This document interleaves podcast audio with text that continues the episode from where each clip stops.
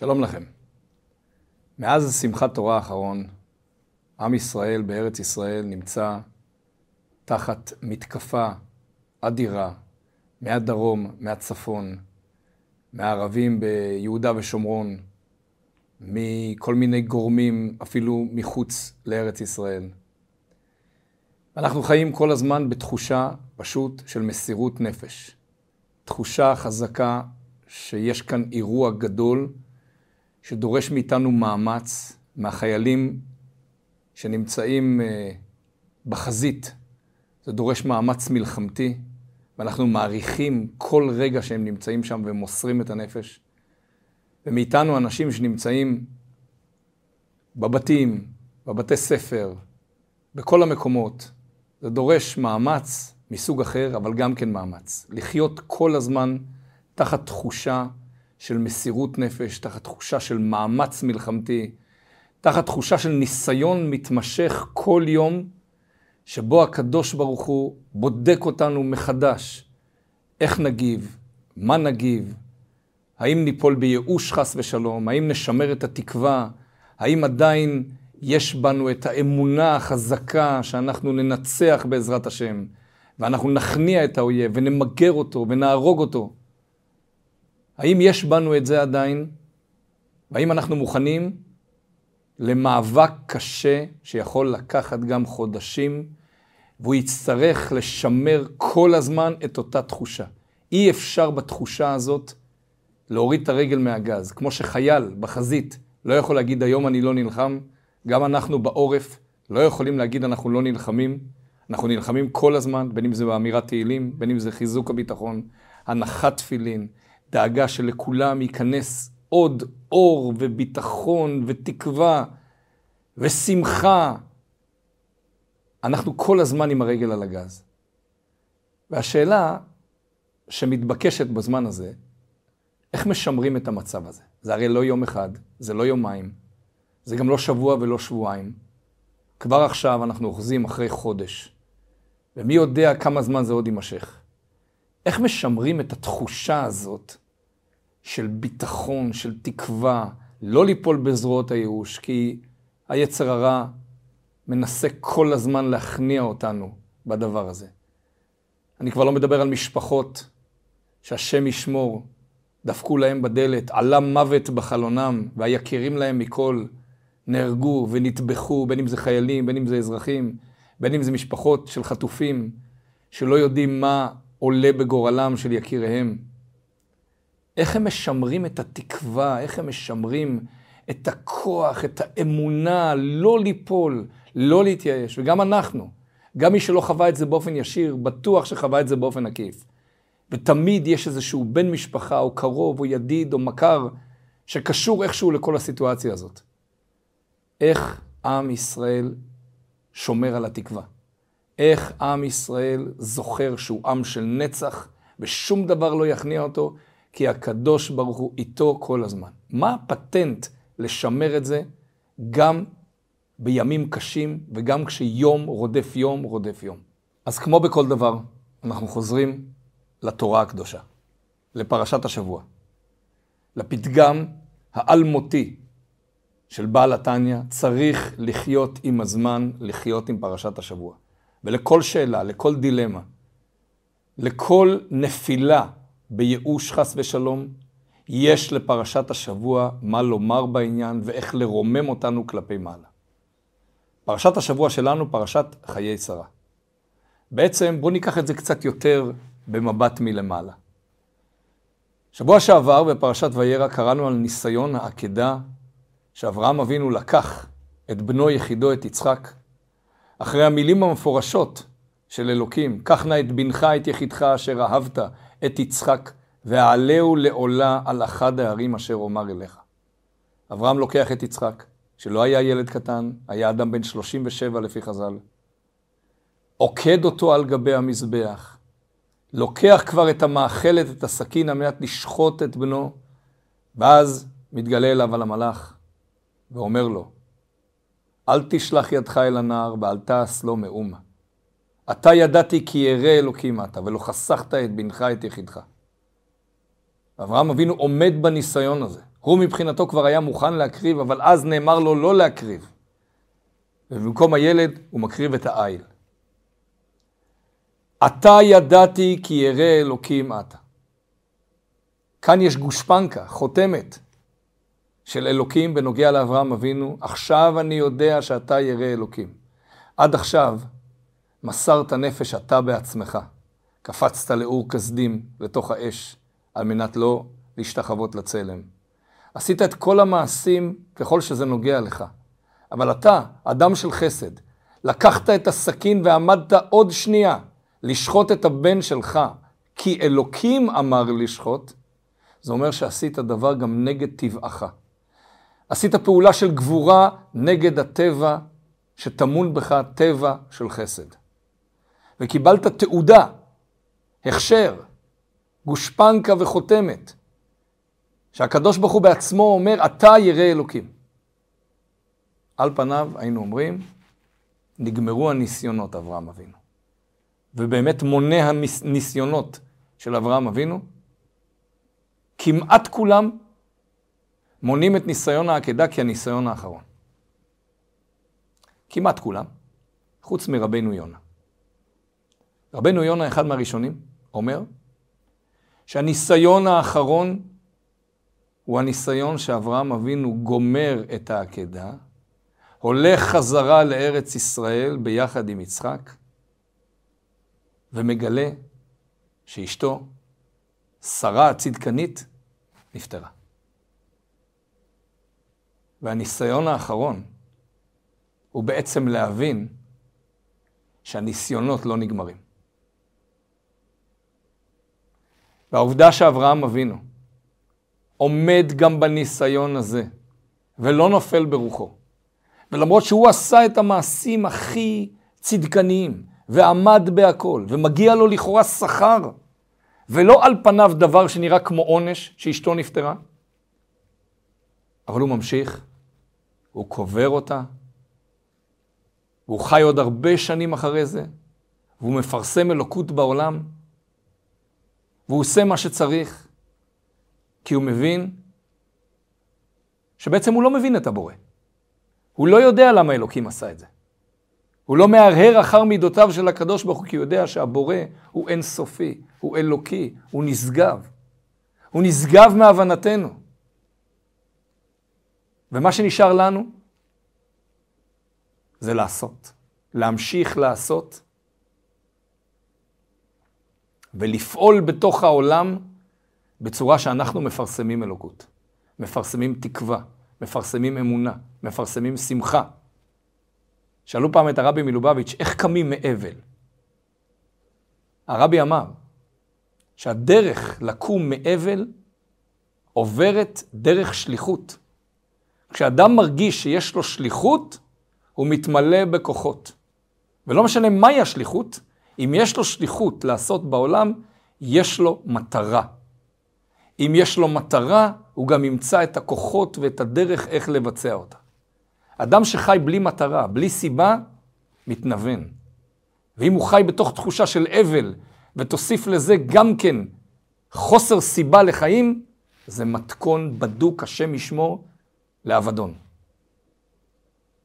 לקום מתוך המקום הזה, ולדעת שאלוקים עשה את זה מסיבותיו הוא, וקטונו, ואנחנו לא יכולים להבין את זה, אבל אנחנו כן יודעים דבר ברור, שהוא השאיר אותנו בחיים על מנת שנפרסם אותו בעולם.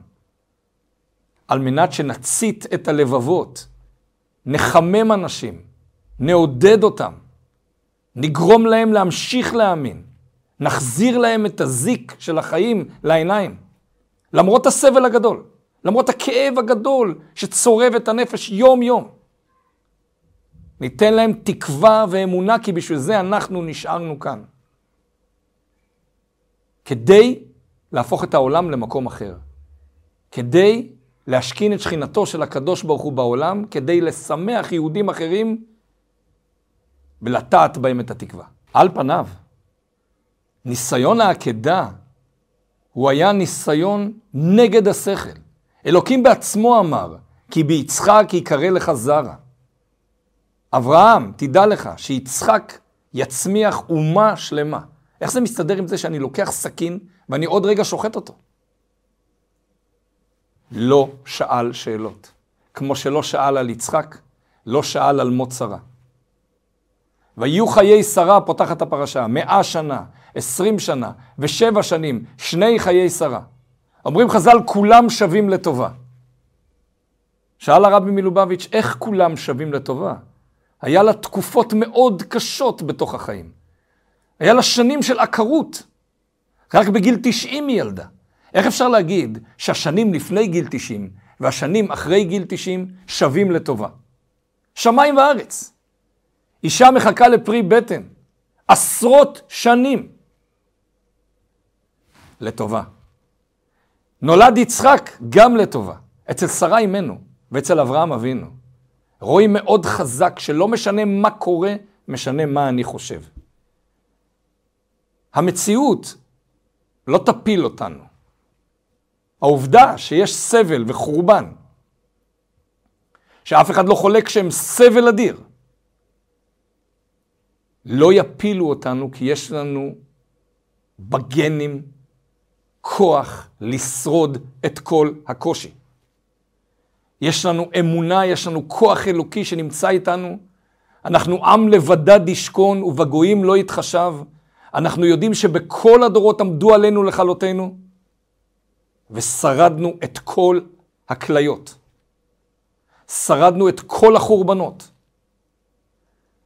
שרדנו את מצרים ואת בבל ואת יוון ואת פרס ואת השואה האיומה ואת גזרות תח ותת. שרדנו שמד בארצות ערב, פרעות תרפ"ט, מלחמות בארץ ישראל. כי השם אלוקיכם נלחם לכם להושיע אתכם. כי אלוקים נמצא איתנו, ואם הוא נמצא איתנו, כל המשוואה משתנה. הכל משתנה. זה עולם אחר לגמרי, אני לא לבד. גם משפחה ששיקלה אחד מיקיריה, או כמה מיקיריה, או משפחות שלמות שנשרפו ונטבחו, השם ישמור. אלוקים נמצא עם כל מי שנשאר. כמובן שאלוקים נמצא איתם, הם קדושי השם. מי שעלה בסערה השמיימה, גן עדן פתוח לפניו, אין שום שאלה. אבל איתנו, אלה שנשארו פה, גם השם נמצא. ובמקום לשאול למה, אנחנו צריכים לשאול את עצמנו למה. נשארנו בחיים כדי לפרסם משהו חזק, כדי לעודד בצורה חזקה. ליפול ברוח, זאת לא עבודה. להיכנס לדיכאון, זה פועל יוצא של אפס עשייה. באפס עשייה, כמו אבן שזורקים אותה כלפי מעלה, ברגע שנגמר לה הכוח היא צונחת כלפי מטה. היא לא עושה שום דבר כדי לצנוח כלפי מטה. בעולם הזה שלנו, לשקוע בדכדוך לא מצריך שום עבודה. פשוט לא לעשות, אנחנו נשקע בדכדוך. העולם מסביב כל כך רע ומרושע, וראינו מראות כל כך קשים, שאם לא יהיה לנו מנוע פנימי שנשען על הקדוש ברוך הוא, אנחנו נאבד את זה ונשקע למצולות הדכדוך. אבל אם זוכרים שאלוקים איתנו, והשאיר אותנו כאן בעולם, על מנת שנעשה דברים חיוביים, מתמלאים באנרגיה. יש מיליון דברים חיוביים שאפשר לעשות. אנחנו רואים גיבורי ישראל, פצועי צה"ל, זיו שילון. פצוע צה"ל היה כל כך חמור.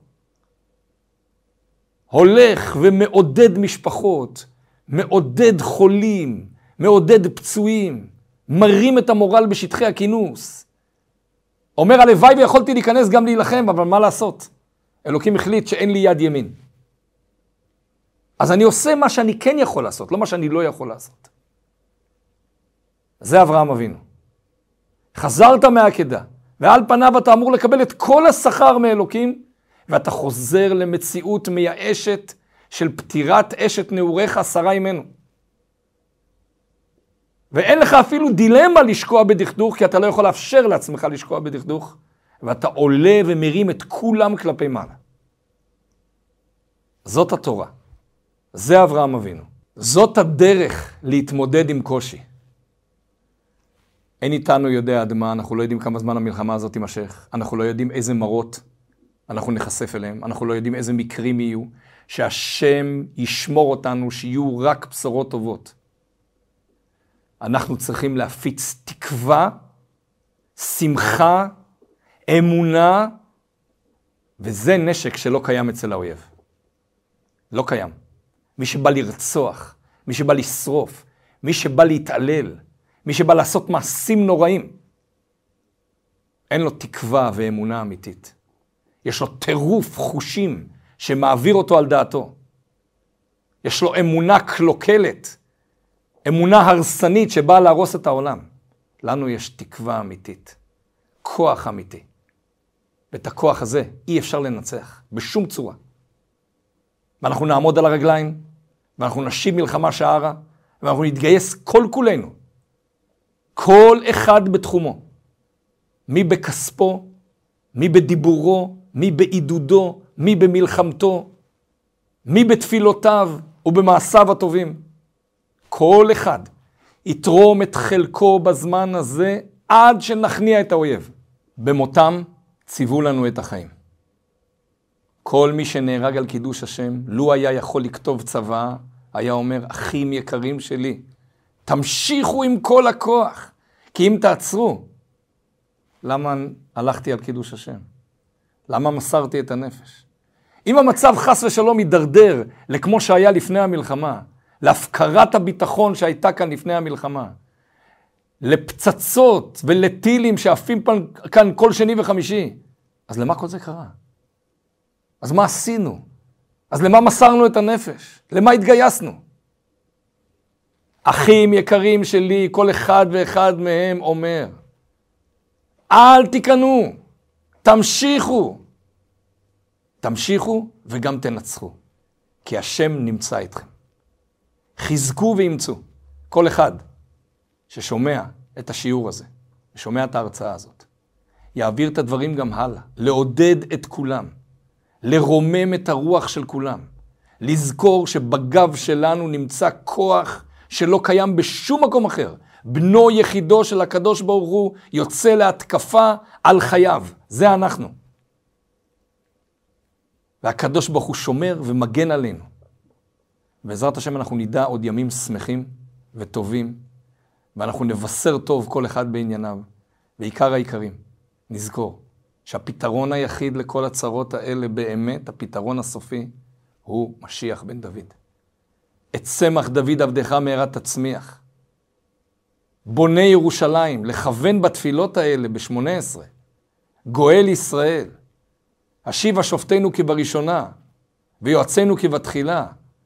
לכוון בכל התפילות, לזכור שכשמשיח יבוא, כל הרוע הזה ייעלם מהעולם. כל השפל והקליפות וכל ההרס והחורבן, הכל ייעלם מהעולם. יהיה עולם חדש. עולם שעליו נאמר, ומחה השם אלוקים דמעה מעל כל פנים.